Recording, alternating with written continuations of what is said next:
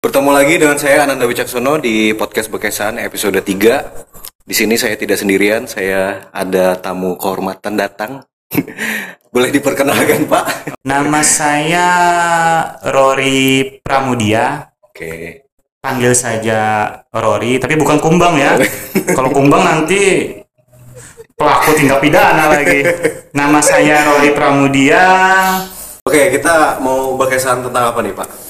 Hmm, kalau masalah berkesahan, eh, kalau saya sih yang penting adalah cerita kita itu jujur dan inspiratif Oh, gitu. oke, betul, betul, betul. Karena banyak hal yang semestinya kita share Iya. berangkat dari keresahan kita Iya, betul. dan semua orang mesti care untuk itu gitu. Hmm. Oke? Oke, Oke. mungkin kita cerita tentang ini jarang nih yang angkat Oke. masalah tentang perguruan tinggi dan akreditasinya. Oke, Weh, oke. Gimana nih? Perguruan tinggi dan akreditasi. Iya Oh, dong. Sangat tinggi sekali bahasan kita untuk hari ini. Hmm. Dan masyarakat kita harus tahu untuk itu. Hmm, betul, betul. Jangan sampai keliru memilih perguruan tinggi Betul, betul, betul. mempengaruhi nasib ke depannya. Masa depan dia lah. Oke. Saya kebetulan salah satu dosen di perguruan tinggi swasta Oke. di Sampit. Oke, dan kebetulan saya mahasiswa salah satu perguruan di Sampit dan dosennya Bapak. Oke. Nah, Oke. Mahasiswa juga sekaligus rekan. Oke. Nah, itu gitu. Nah, sekarang sekarang saya menginjak tahun ini ya, mau mendekati 10 tahun masa pengabdian saya di salah satu perguruan tinggi swasta tersebut. Hmm. Nggak nggak terasa ya, tapi terasa juga sih kalau dipikir-pikir gitu. Banyak suka dukanya, tapi lebih banyak sukanya. Oh, iya, gitu. betul. Ah, itu saling beriringan lah, wajar gitu. Iya, iya. Nah, silahkan. 10 tahun udah udah lama apa? Uh, udah lama sekali gitu. Iya. Jadi saya masuk di salah satu perguruan tinggi swasta itu mulai zaman saya, mulai zaman rambut saya gondrong Dan sekarang dan sekarang sudah mulai merapuh rambut ini gitu. Mulai zaman saya nongkrong masih nongkrong di taman eh sampai sekarang nongkrong di kampus aja gitu. Luar luar biasa sekali gitu. Eh, saya nggak ny- nggak nyangka juga gitu. hmm, bisa selama itu. Eh, bisa selama itu saya pikir waktu saya selesai kuliah S2 daripada saya pengangguran kan Hmm. nongkrong di taman di jagungan mending saya masuk ngajar aja kan Iya. minimal kan kalau dosen kan anggapannya keren gitu Iya. itu itu sih tujuannya gitu itu tujuan awalnya untuk menghindar eh, pedasnya omongan orang gitu. Mungkin itu, itu itu dulu tuh awal masuk awal masuk perguruan tinggi swasta tersebut sampai sekarang kita enjoy pada setiap prosesnya. Mm-mm. Ya. Oke. Mm, Eh, yang pertama kita omongin sejarah eh, sejarah perguruan Bapak atau Oh ya, saya mengajar di salah satu perguruan tinggi swasta di kota Sampit yaitu Sekolah Tinggi Ilmu Hukum Habaring Hurung Sampit. Mm. STIH Habaring Hurung Sampit ini gitu eh, didirikan pertama kali berdiri dia nebeng atau jadi satu kesatuan dengan STIH Tambun Bungai di Palangkaraya itu tahun 1985 tuh. kemudian 1986 berpisah sampai akhirnya mendapat izin penyelenggaraan sendiri di bulan Oktober 1987. Jadi kalau kita hitung-hitung sekitar ini ya 32, 33, 34 tahun ya. STIH ini mengabdi untuk Kabupaten Kota Ringin Timur. Seperti itu gitu. Yang luar biasa adalah namanya Habaring Hurung gitu. Iya. Habaring Hurung kalau kita runut itu sama dengan prinsip Pancasila. Habaring Hurung kan dalam arti bahasa Dayak artinya gotong royong. Sedang royong, gotong royong merupakan prinsip dasar dari Pancasila sebagaimana yang disampaikan Bapak proklamator kita Mm-mm. Pak Soekarno ya seperti itu gitu. Oke. Dan STIH sendiri mempunyai akreditasi apa? Akreditasi ya. Eh, akreditasi itu sebenarnya ada dua nih, Mas Ananda nih. Ada akreditasi institusi, Eh, ada akreditasi program studi. Memang yang lagi heboh ini yang sekarang nih akreditasi program studi. studinya itu. Hmm. Mengenai akreditasi program studi, STH itu pernah mengalami pasang surut. Eh, seperti apa tuh Pak? Maksudnya pasang surut tuh? Hmm, kita pernah karena akreditasi ini kebijakan baru dari Kementerian Pendidikan Tinggi. Hmm. Saat itu kan masih gabung tuh Kemristek dengan Kementerian Kebudayaan tuh. Mhm. Eh, kita sempat kaget juga ada kebijakan itu tuh. Kebijakan itu sempat menempatkan kita pada akreditasi C. C. Akreditasi C dan membuat mahasiswa kita sempat agak menurun saat itu. Down. Down gitu. Oke. Karena memang memang wajar gitu, memang wajar. Siapa sih yang mau masuk kampus yang ketika ijazahnya nggak bisa digunain secara Iya. maksimal? Apalagi ulun baca-baca katanya kalau misalkan universitasnya akreditasi C nyari pekerjaan susah tuh. Pak. Kalau Ada sih ulun baca kayak gitu. kalau untuk level instansi horizontal kayak Pemda mungkin saat ini ya, nih saat ini ya tolong Hmm. digarisbawahi masih bisa. Oh masih bisa. Tapi Oke. jangan lupa sejak tahun 2017 2018 Hmm. rata-rata sudah mulai yang dicari adalah akreditasi minimal B. B. Hmm. Apalagi kayak instansi vertikal kayak kementerian, kemudian TNI, kemudian Polri jalur Iya iya. sumber sarjana, jaksa segala macam itu sudah mensyaratkan minimal B. B. Bahkan sejak tahun berapa? Sejak tahun 2000 2010 2011 sebenarnya. Nah, terakhir kita dapat akreditasi C itu tahun 2015. 2015. Oh. Tahun 2015 itu kita sakit hati sama sekali tuh. Jabatan saya saat itu, kalau sekarang kan saya kepala lembaga penjaminan mutu tuh. Mhm. Jabatan saya saat itu masih kabak kemahasiswaan. Situ saya diikutsertakan menghadap tim tim asesor, tim asesor dari perguruan tinggi dari luar Kalimantan. Kemudian itu yang membuat mungkin bukan hati hati saya aja ya, hati para unsur pimpinan SIH di lain pun STIH. agak sedih dengan Iya. skor skor C itu. Sebenarnya nggak nggak ngaruh gitu, tapi kasihan nih eh, mahasiswa kita dengan C itu susah cari kerja. Iya. Nah, akhirnya kita melakukan strategi luar biasa nih. Kita Di- rapat, Di tahun berapa tuh Pak? kita di 2015-2016 sudah merancang strategi. Oh strategi untuk Setelah itu, level. Pokoknya kita harus yang pertama adalah menghilangkan ego gitu. Iya. Ah. Nah, ini kuncinya nih. Kalau mau kampus itu bagus, dia harus menghilangkan egonya. Ego. Hanya ada satu ego gitu. Itu. Hanya ada satu ego yaitu ya ego ini, ego bahwa mahasiswa harus bisa lulus dan ijazahnya bisa digunakan secara maksimal Iya. gitu.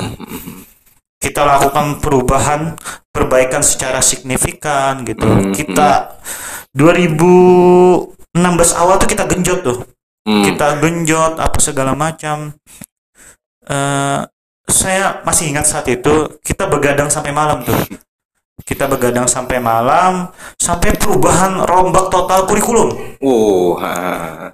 kalau dulu mungkin kurikulum kita seperti yang saya sampaikan kayak ini ya kayak judul sinetron gitu ada misalnya hukum perdata satu, hukum Iya, perdata dua, eh, eh, eh, hukum pidana satu, hukum pidana dua. Ah. Itu nggak salah bener aja. Tapi kalau untuk yang kekinian kan sudah saatnya berubah. Yang semula hukum pidana, Pidana satu, satu. jadi hukum pidana aja. Ya. Yang hukum pidana dua jadi hukum acara Pidana. pidana. Itu untuk mengikuti eh, standar ini ya, standar nasional gitu, standar nasional hukum. Kurikulum kemudian kita rombak dosen, Hmm. kemudian kita rombak jabatan orang-orang yang menduduki jabatan sampai kita merombak struktur organisasi kampus kita gitu. Oh, oh ngerombak dosen ngerombak kayak gitu Total kita rombak ngaruh apa dengan Apa ngaruh yang- ngaruh oh. ya itu disebut kalau diakreditasi itu disebut dengan sistem tata pamong Hmm, hmm. Apa tuh? Tahu. sistem tata pamong adalah eh, kepengurusan organisasi Hmm. kepengurusan organisasi tapi bukan yayasan ya Iya, yayasan iya, kan iya. yang menaungi nih Iya, iya. Eh, organisasi kampus itu poin yang pertama kali dinilai untuk skor akreditasi prodi adalah sistem tata pamong Oh. mulai dari pemilihan ketua sampai pemilihan jabatan-jabatan yang ada di bawah ketua Oh, oke oke oke oke. dan jangan lupa kampus kita ini beda dengan yang lain Kenapa tuh? bedanya adalah eh, kalau kampus lain mungkin dia wakil ketua satu wakil ketua dua wakil ketua tiga Oh, ada gitu. Baru tahu loh, lu dua. Eh, kalau kampus kita cuma dua orang wakil ketua aja. Hmm. Wakil ketua satu, wakil ketua dua. Dua. Wakil ketua satu itu bidang akademik dan kemahasiswaan, dan wakil ketua dua itu adalah bidang alumni dan kerjasama. Oh. Baru tahu loh, baru tahu loh. Eh, ada ada seperti itu ada urusan urusannya. Pertimbangannya kemarin adalah jumlah mahasiswa kita berapa sih gitu. Iya. Masa untuk mengurus sekian ratus mahasiswa bisa sampai tiga orang wakil ketua? Mm-mm. Nah, beda kalau mahasiswanya kayak di luar Pulau Kalimantan misalnya Iya. kayak di Jawa, Iya. mahasiswanya ribuan. Mm-mm, betul. Wajar kalau ada tiga wakil ketua satu, wakil ketua dua, wakil ketua tiga. Kalau kita kan nggak nyampe 500 gitu. Jadi kita efektif dan efisien lah. Ya, iya. Yang pertama efektif dan efisien. Mungkin istilahnya kalau kita uh, sistem organisasi ada yang namanya tepat struktur, tepat fungsi dan tepat personil. Hmm. Itu yang kita itu yang, itu yang kita rombak. Nah kebetulan saya kebagian jatah di yang terbaru adalah kepala lembaga penjaminan mutu. Oh. Seperti itu. Gitu. Oke oke oke. Terus eh, yang membuat akreditasi bisa turun tuh apa, Pak? Ah. Misalkan dari A ke B, B ke C. Eh, akreditasi ini kan dia fluktuatif nih. Ya. ya. Dia bisa naik, dia bisa turun. Hmm. Yang bahaya adalah ini sudah di bawah turun lagi nih. Oh, memangnya ada akreditasi D lagi begitu? Sebenarnya nggak nggak ada akreditasi deh. ah. Cuma ada yang namanya garis di mana ya di bawah garis C lah. Oh. Mungkin kita sebut aja garis kuning lah. Ah, garis waspada sudah. Garis kuning kan hati-hati ya. Iya, hati-hati. Hati-hati tuh. Ini C aja udah minimal nih. Ini dia di bawah lagi tuh. Tapi kalau akreditasi D itu nggak ada tuh. Nah, Hmm. seperti itu gitu. Eh, untuk akreditasi program studi sendiri eh, sampai tahun 2019 ini ya, Hmm. itu ada tujuh poin. Hmm. Ada tujuh poin, macam-macam nih. Tujuh poin, tapi kalau untuk 2020 dia ada 9 poin. Oh, bisa nambah gitu, Pak? Sebenarnya pecahan dari tujuh poin tadi. Oh, berarti oh pecahannya gitu. Nah, Hmm. pecahannya. Jadi ada tujuh poin itu dia bagi lagi sub-sub poinnya tuh, sub-sub Hmm. nilainya. Yang pertama misalnya tata pamong. Hmm. Yang kemudian prasarana dan pra- prasarana dan sarana, Dipisah. mahasiswa, kemudian internasional. Banyak tuh tujuh tujuh poin itu gitu. Hmm, hmm, hmm. eh kalaunya 2020 jadi 9 poin dipisah dan lebih menitik beratkan pada outcome outcome-nya gitu Apa itu, Pak? Kan ada output ada outcome Iya. output apa yang Oh. dihasilkan Mm-mm. outcome ini yang dihasilkannya ada feedbacknya nggak Oh. nah seperti itu misalnya nih Pak Mas Ananda lulus Hmm. kemudian menduduki suatu pekerjaan nah ada feedbacknya nggak buat Feedback STIH? dari kampusnya tuh. Nah. Feedback buat STIH. buat, ya? buat STIH oh. gitu. Dan kita udah mempersiapkan untuk itu gitu. Hmm. Kita tiga tahun ini udah mempersiapkan untuk itu gitu. Nah kalau yang bisa turun, kita lihat dulu skornya apa sih? Hmm. Skor-skor dari akreditasi ini gitu. Kan tadi kan ada akreditasi A, Ya. akreditasi B, akreditasi C. Oke. Nah nilai akreditasi itu kalau nilainya kurang dari 200 tidak terakreditasi. Oh, berarti ya akreditasi itu ngelihat dari nilai itu lah, skor Bang. skor keseluruhan dari 7 poin tadi Oh, 7 poin tadi. Ah. di luar ini di luar 2020 ya kalau 2020 kan Sudah jadi 9 poin. 9 poin Oke. 9 item yang dinilai nah kalau kalaunya kurang dari 200 itu tidak terakreditasi Oh, oke. nah kalaunya nilainya kisaran antara 200 sampai 300 itu nilainya C atau disebut dengan baik Oke, baik. Oh, baik. Nah, C itu bukan kurang ya kalau biasanya kita kenal C itu Iya, kurang kurang, betul. tapi C C bukan kurang cukup ya cukup, Cukup, C ah, itu cukup ya cukup nah kalau di sini istilahnya C itu baik Baik, oke. Nah, kalaunya 301 sampai 360 itu skornya nilainya B, B. atau sangat baik. Oh, sangat baik. Hmm, hmm. Yang luar biasa adalah nilai 361, 361 sampai 400 itu A dengan predikat unggul. Unggul. Oh, unggul gitu. Hmm. Skor yang membuat saya bangga ya. Skor STIH sendiri pada tahun 2016 adalah 329. 329. 329 itu dalam bahasa lain 32 poin lagi kita akreditasi Ah. oi. dan kita sudah mempersiapkan untuk itu gitu. Oke. Kadang orang bingung nih, Ah, eh Pak Rory, kok bisa sih STIH itu akreditasinya B padahal Betul. bangunannya betul. bangunannya sederhana gitu. betul, betul. Lu pertama kali pas ke STIH nih, Eh, kok bisa B? Mungkin Betul. dikira dikira ini ya bangunan SD atau apa gitu. betul Ah, betul. Lu pertama gitu. kali mikir udah negatif gitu sih, Pak. Ah, betul betul betul. STH ini apa kok bisa B nah, itu kenapa? bangunannya Kenapa gitu. Pak? Mereka lupa gitu Ah. bahwa sarana dan prasarana itu hanya salah satu item. Dalam salah satu item ini ada sub item lagi gitu. Hmm. Sarana prasarana aja misalnya gini nih. Eh, ada namanya standar pelayanan mutu internal. Hmm. Dalam satu ruangan nih misalnya standarnya apa? Standarnya dia harus AC atau kipas angin. Maksudnya maksudnya Ah, standarnya gitu. Ruangannya harus ditentukan standar gitu. Oh. Nah, kebetulan standar kita saat itu ya 2016 standarnya adalah kipas angin. oh Standarnya standarnya bukan bukan kipas angin, standarnya ah, kipas anginnya satu. Hmm. Di ruangan kita kasih dua. Oh, itu udah memenuhi standar Melebihi standar. melebihi standar Poinnya tinggi. Ih, oh Karena kelemahan institusi adalah mereka menetapkan standar tinggi, Hmm. tapi nggak bisa melampaui standar itu. hmm Tapi dalam perjalanannya nggak mungkin dong kita standar itu ini pakai. Pasti kita ningkatin nih. Ya, ya doakan aja ya ruangan kita nanti Berhasil. perbaikan punya AC AC. lah. Dan ini sedang ini ya sedang digarap. Kita minta salah satu mahasiswa untuk bikin ini rencana anggaran biaya dan speknya gitu. Iya. mm, Jadi ya insya Allah lah eh, kita punya AC lah di 2019. di 2019 oh tahun ini dong berarti Iya, supaya mahasiswa-mahasiswi kita kulitnya pada kinclong semua. terus makin betah di dalam Makin betah di dalam gitu. Saya juga betah kalau ada kinclong semua kan. Seperti itu gitu. Kadang mereka seperti itu enggak enggak ini gitu masalah itu dan sarana prasarana itu hanya salah satu item kemudian salah satu sub item hmm berarti nggak nentuin sekali gitu nggak nentuin berpengaruh tapi apabila dihitung secara kumulatif Ah, ah. dia tidak akan berpengaruh apabila hitungannya secara alternatif atau terpisah. Mm, mm, mm, Tapi apabila kumulatif baru dia berpengaruh dengan item-item lainnya. mm. Kemudian ada juga yang nanya nih, prestasi mahasiswa STIH apa sih?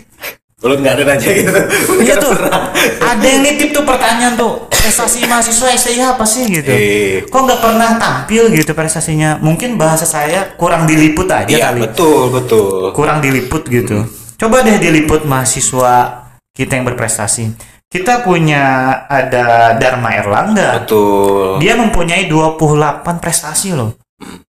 Prestasi dalam dia punya Bidang. hobi Mm, untuk eh, memelihara satwa dan satwanya ini sudah terkenal. iya Mm, mm, mm. Tidak hanya level kabupaten, provinsi, tapi sampai level nasional. Dia Nasional. dapat penghargaan dari ini loh, dari kepolisian loh. iya iya ulun ulun ada tahu Luar biasa. kisahnya. Kemudian ada Dedi Bahrianur. Iya, itu yang marching band internasional itu kan, Pak? Dia sampai internasional. makanya itu, itu. Marching band internasional dua kali tahun 2017 sama 2018 dua kali. Tapi mungkin kurang liput aja Iya, gitu. betul. Dia juri loh, sekarang juri loh. Mana di mana-mana untuk acara kabupaten, provinsi selalu ngundang dia. Dia sekarang juri. Wajar. Iya. Dia prestasi kemudian pelatihan level internasional. Wajar lah gitu. Seperti itu. Selain itu banyak lagi nih prestasi. Terakhir waktu kami inven- inventarisir ada Hargita Ramadan. Semester berapa tuh, Pak? Itu tahu. semester 2 Oh, baru. Mm-mm. dia prestasi di bidang game online. Game online. Oke. Luar biasa sampai 6 loh, sampai 6 kemudian diundang sampai luar provinsi di provinsi Kalimantan Selatan. Kalimantan. Iya. Luar biasa, luar biasa gitu. Mungkin jarang diliput aja gitu. Iya. Ini ulun salah satu prestasi nih, Pak, bikin podcast. Betul tuh.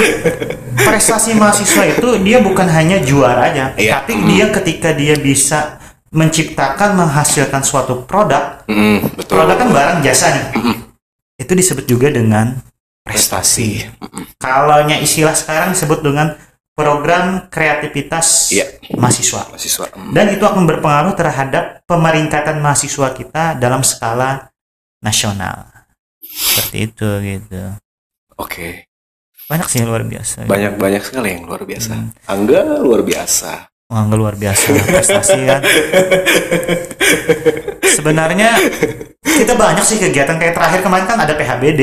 Ya, eh, program hibah bina Nah, desa. kita lolos verifikasi awal lolos sampai tahap ini walaupun kita gak ini, Mm-mm. tapi paling enggak itu jadi pembelajaran. Pengalaman juga. eh, eh. Karena Soalnya- gagal itu kan bagi kita adalah ketika dia tidak mencoba apa pun. Iya, betul. Itu yang disebut dengan gagal gitu. Itu gitu.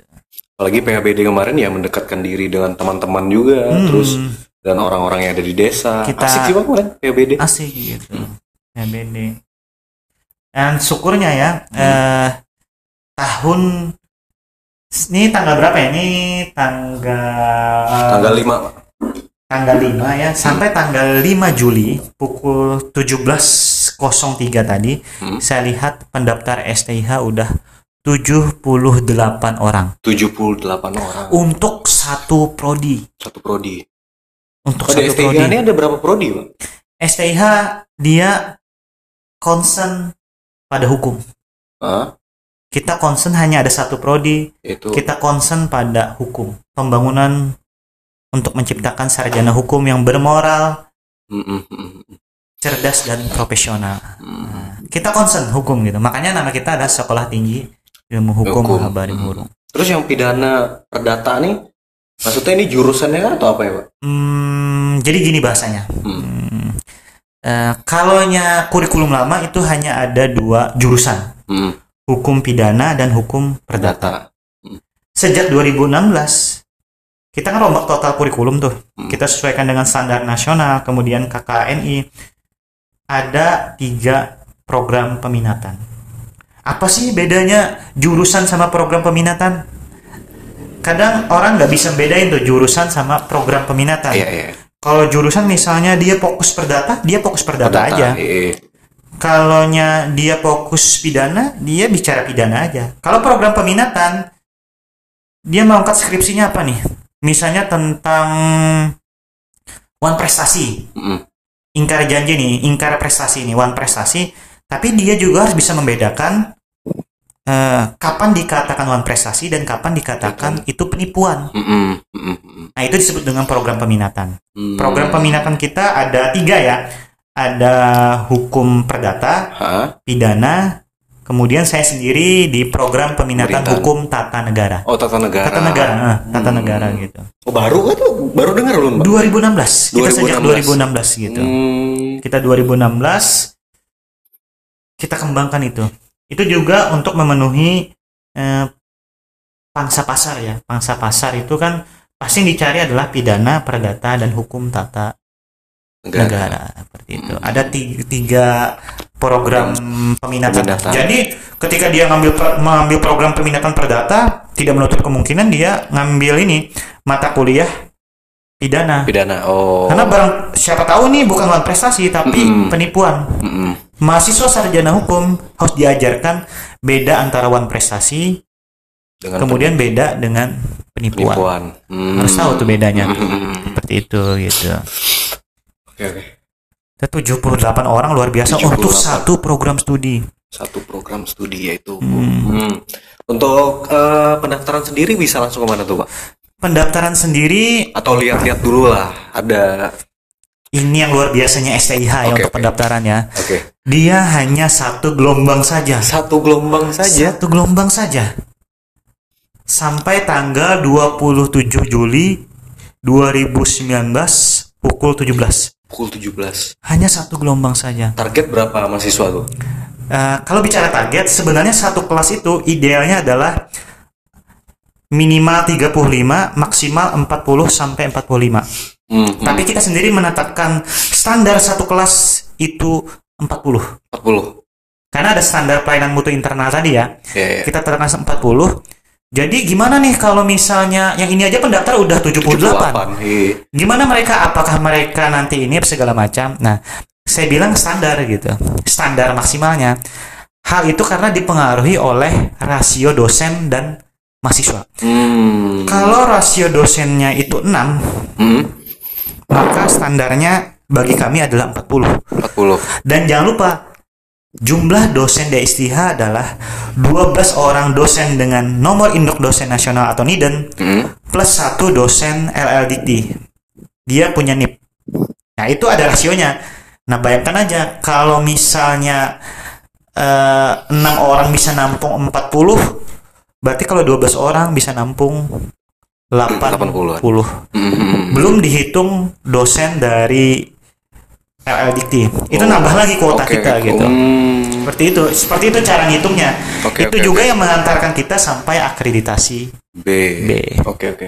Syarat Ah. minimal ya, 6 orang dosen itu syarat minimal satu program studi. Kalau dosen nidennya kurang dari 6, hmm, saya rasa untuk izin penyelenggaraan aja mungkin susah ya. Oke oke. Seperti itu gitu. Ada hitungan untuk. STH sendiri kemungkinan bisa A nggak nih pak? Kalau bicara kemungkinan, Ya sangat bisa. sangat bisa. Oke. Sangat bisa. Seperti yang saya ceritakan tadi adalah skor aja kita 329 tuh. Sembilan. Iya. Berarti kan kurang 32 poin poin. untuk A. Hmm. Tapi kalau kita bicara predictable bisa juga turun. Hmm. Kalaunya tidak bisa menjaga kesinambungan itu gitu. Hmm. Dan jangan lupa angka akreditasi B 329 itu bukan angka angka yang didapat dari hasil tidur. Hmm, hmm, Iya ada ada usaha bukan dibalik gitu. kita tidur dapat angka 329 Iya, bukan. iya, betul, kita betul. ada usaha progres untuk itu gitu. Hmm, betul betul. kita hitung-hitungan matematikanya ada gitu dan kita untuk menutupi 32 poin itu ngejar 32 poin itu kita sudah siapkan strateginya dengan matang-matang. dengan matang-matang gitu cuma saya nggak bisa bocorin ya Oke. strateginya nanti kalau strategi ini dibocorin Eh, di copy. bahaya nanti kita di copy paste gitu tapi kita punya lah Eh, mungkin saya kasih sedikit spoiler ya Oke oke spoiler. Oke. Hmm, untuk mahasiswa berprestasi tingkat internasional Hmm. sudah ada. Betul. Jurnal internasional kita sangat ada. Jurnal internasional. Jurnal internasional kita sangat ada gitu. Kemudian untuk kerjasama internasional sekarang kita sudah menyiapkan untuk Iya betul. itu. Jadi kalau untuk ini saya optimis lah, Hmm, optimis untuk A. Iya. Tinggal dukungan dari semua komponen, dari mahasiswa, dari alumni, dari semua masyarakat kotim lah tentunya. Betul betul betul. betul. Kita optimis lah, selalu optimis gitu. Eh, ini bapak kan sudah 10 tahun di sekolah tinggi ilmu Mendekati hukum. 10 tahun ya. Abaring Hurung. Hmm, mendekati 10 tahun. Eh, Suka dukanya apa tuh pak? Hmm, kalaunya duka ya pasti ada lah. Iya iya. Duka itu ketika kita masuk Hmm. mahasiswanya cuma satu orang.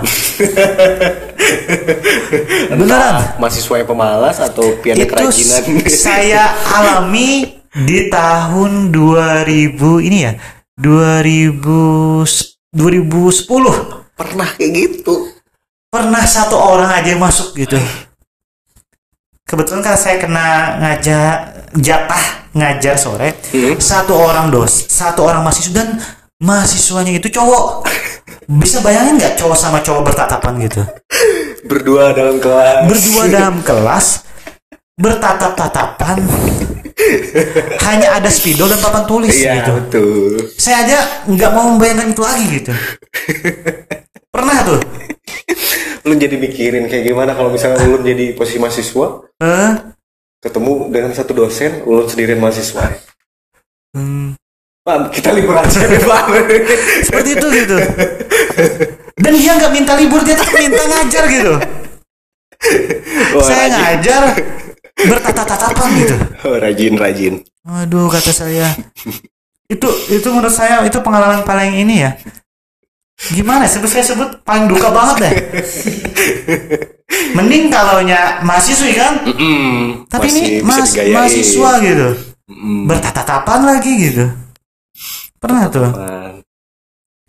Nah kalau sukanya banyak lah Ya. sukanya banyak Eh, yang istimewa dari STIH adalah mahasiswanya itu eh umurnya variasi gitu Atau ada yang umurnya umurnya tua Iya. mungkin umurnya mungkin 60-an ya Iya, betul, betul. Ada, ada. ada 60-an sampai ada yang bener-bener muda gitu Iya. ada yang mungkin sekitar 18 atau 17 gitu Mm-mm, mm-mm, mm-mm.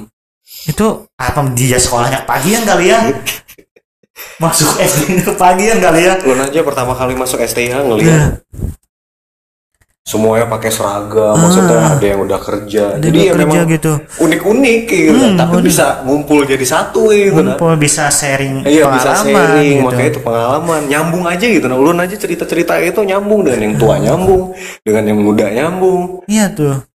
Itu itu sukanya tuh. Saya ngelihat kok ini yang tua semangat Iya gitu. betul. Padahal mohon maaf ya, mungkin udah pensiun tuh. ya iya. Mau sarjana juga gelarnya buat diapain gitu. Tapi semangatnya, saya tanya, saya tanya secara pribadi, Hmm. gimana nih sih Pak gitu, apa sih yang membuat tertarik gitu. Dia bilang kan anak-anaknya udah sarjana gitu. Hmm. Dia pengen nurusin apa ya tekadnya dulu gitu. Ya dia pengen sarjana dan dapat ilmu hukum dari STIH. Iya. Itu Tidak- yang paling saya suka ngelihat senyum dari mungkin saya sebut kakek kali ya. dari sebut kakek sampai pada yang benar-benar untuk remaja ya. Saya melihat banyak 10 tahun ini saya banyak melihat senyum itu gitu yang membuat saya eh, selalu kangen dengan STIH Hmm. gitu. Segala macam tuh. Eh, untuk eh, organisasi sendiri di STI ada apa aja tuh pak? organisasi di STIH sampai sampai berapa tahun ya? Sampai 2000 ya baru aja ya. Eh, itu dulu cuma senat mahasiswa. Senat mahasiswa sampai tahun berapa ya? Sampai tahun 2011 apa 2012? 2012. Hmm. Kemudian berganti jadi BEM, BEM. Badan Eksekutif Mahasiswa. Kemudian 2019 awal kemarin bulan April kita punya tiga organisasi. baru. Tiga organisasi baru yaitu ada yang namanya ada BEM, ada UKM Mentaya, Mm-mm, kemudian ada kelompok studi Islam Al Adel gitu. mm-mm, mm-mm.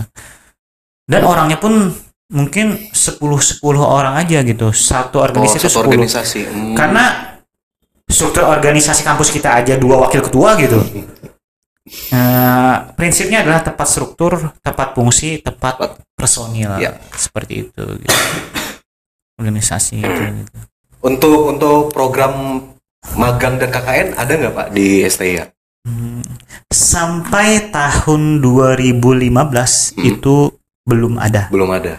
2016 kita rombak total, akhirnya ada. Ada di tahun ini atau di- Mulai 2016. mulai 2016. mulai berlaku khusus mulai angkatan 2016 sampai seterusnya. Itu yang disebut dengan ada yang namanya PKKH. Mm-mm. PKKH itu praktik kerja keahlian hukum. Nah, nanti mahasiswa terserah nih apa mau dipilihin dosen apa milih sendiri. Oh Dia dia. misalnya mau praktek kerja di mana nih? Misalnya eh, Ananda nih, Pak saya mau di kantor kepala desa. Mm. Boleh, Hmm. tapi bisa juga Pak saya nggak punya tujuan untuk eh, PKK PKKH. di mana itu? kita arahkan nanti apakah di Hmm. kantor kejaksaan, kantor pengadilan, kantor notaris gitu. Kita arahkan gitu. Hmm, hmm. Pertama kita tawarkan dulu mahasiswa dia mau praktek kerja di mana. Kalau dia nggak ada, baru kita sarankan di mana Hmm. gitu. Nah kalau untuk KKN-nya sendiri, hmm, KKN itu dia intinya pengabdian masyarakat, pengabdian kepada masyarakat. Mm-mm. Jadi nanti pilihannya macam-macam nih. Apakah dia mau ke masyarakat desa atau mau ke panti asuhan, Hmm. panti jompo atau tempat ini ya eh tempat kelompok masyarakat lainnya gitu. Hmm. Terserah dia milih yang penting dia intinya adalah pengabdian kepada masyarakat. kepada masyarakat. Hmm. Nanti apakah dia tematik sesuai tema atau dia mau kerjasama atau pengabdian dengan tema kebangsaan Hmm. Bisa itu bisa ini bisa jadi pilihan gitu bisa jadi pilihan mahasiswa yang penting dia tahu nih keadaan di masyarakat sebenarnya itu gimana sih Oke, oke, oke. betul. jadi dia nanti ketika lulus dia tahu dengan gelar sarjana hukumnya mau ngapain Ayo, gitu main. segala macam itu tuh itu yang istimewanya dari STIH, STIH. kita punya kurikulum yang benar-benar terstruktur gitu jadi tidak hanya teori tapi juga bisa berpraktik Praktik. nantinya Hmm. Kalau mau daftar ke STIH ke mana nih Pak? daftar STIH hmm, ada sistem online Hmm. tapi kadang sistem online ini servernya bisa down Hmm. Eh, saran saya kalau servernya down apalagi sekarang kan eh, WA Instagram aja bisa ini ya bisa iya, down di- tuh. bisa di down. bisa gitu. down Hmm. Eh, saran saya langsung aja ke sekretariat STIH Habaring Hurung Sampit Jalan Ki Hajar Dewantara nomor 56 Oke. Hmm, jam pelayanannya dari jam 16 sampai dengan jam 17 Eh, ngambil formulir kemudian lengkapi berkas tapi bagi adik-adik yang misalnya ijazahnya belum keluar Keluar, he. bisa menggunakan surat keterangan lulus Hmm. dan jangan lupa bagi adik-adik misalnya ada keterbatasan ekonomi bisa daftar bidik misi Hmm, beasiswa ya itulah Pak. Hmm, ada bedanya. Bidik misi dengan beasiswa itu beda. Kalau beasiswa dia eh, semacam tertentu aja. Hmm. Tapi kalau bidik misi dia biaya pendidikan full. Hmm. Yang hebatnya adalah karena akreditasi STIH itu B, B. Hmm. kita dapat jatah enam orang bidik, Bidik misi. misi. Oh.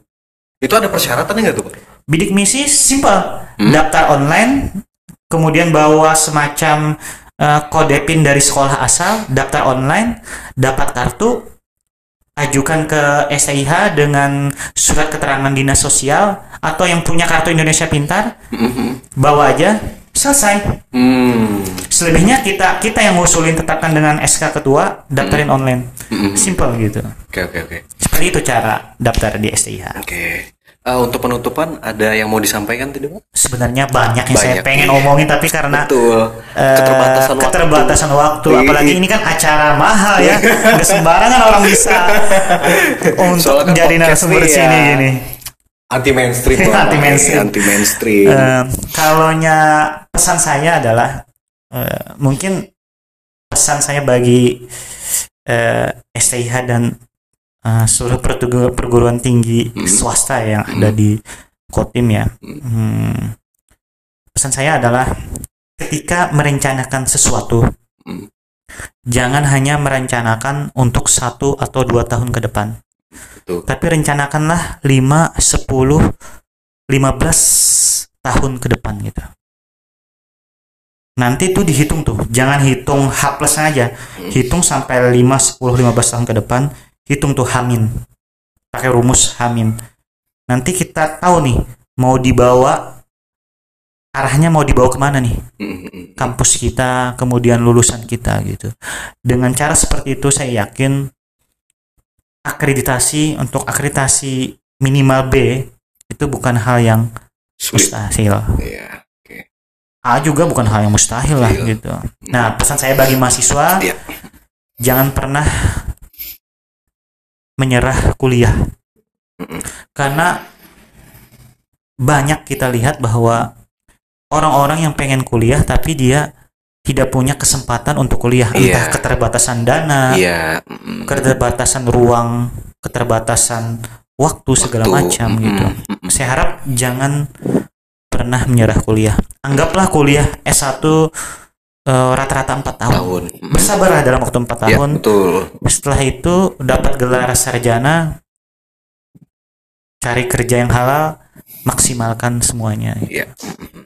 Oke mungkin itu aja Oke, terima kasih Pak ya saya juga sudah- terima kasih udah jadi tamu spesial nih di acara podcast berkesahan Ananda Wicaksono ya terima kasih jangan kapok-kapok undang saya ya Oke, siap. Nanti akan mengundang Bapak Rory lagi Iya. menyangkut tema yang lebih eh, berbeda lagi. berbeda lagi di luar kampus mungkin tema Boleh, yang di luar boleh. kampus kayak rame sepertinya rame nih. Oke, terima kasih buat kalian yang udah denger. Eh, bye. Nah. Itu ciri khasnya gitu. Oke. sama kayak Jeremy tadi kan selamat malam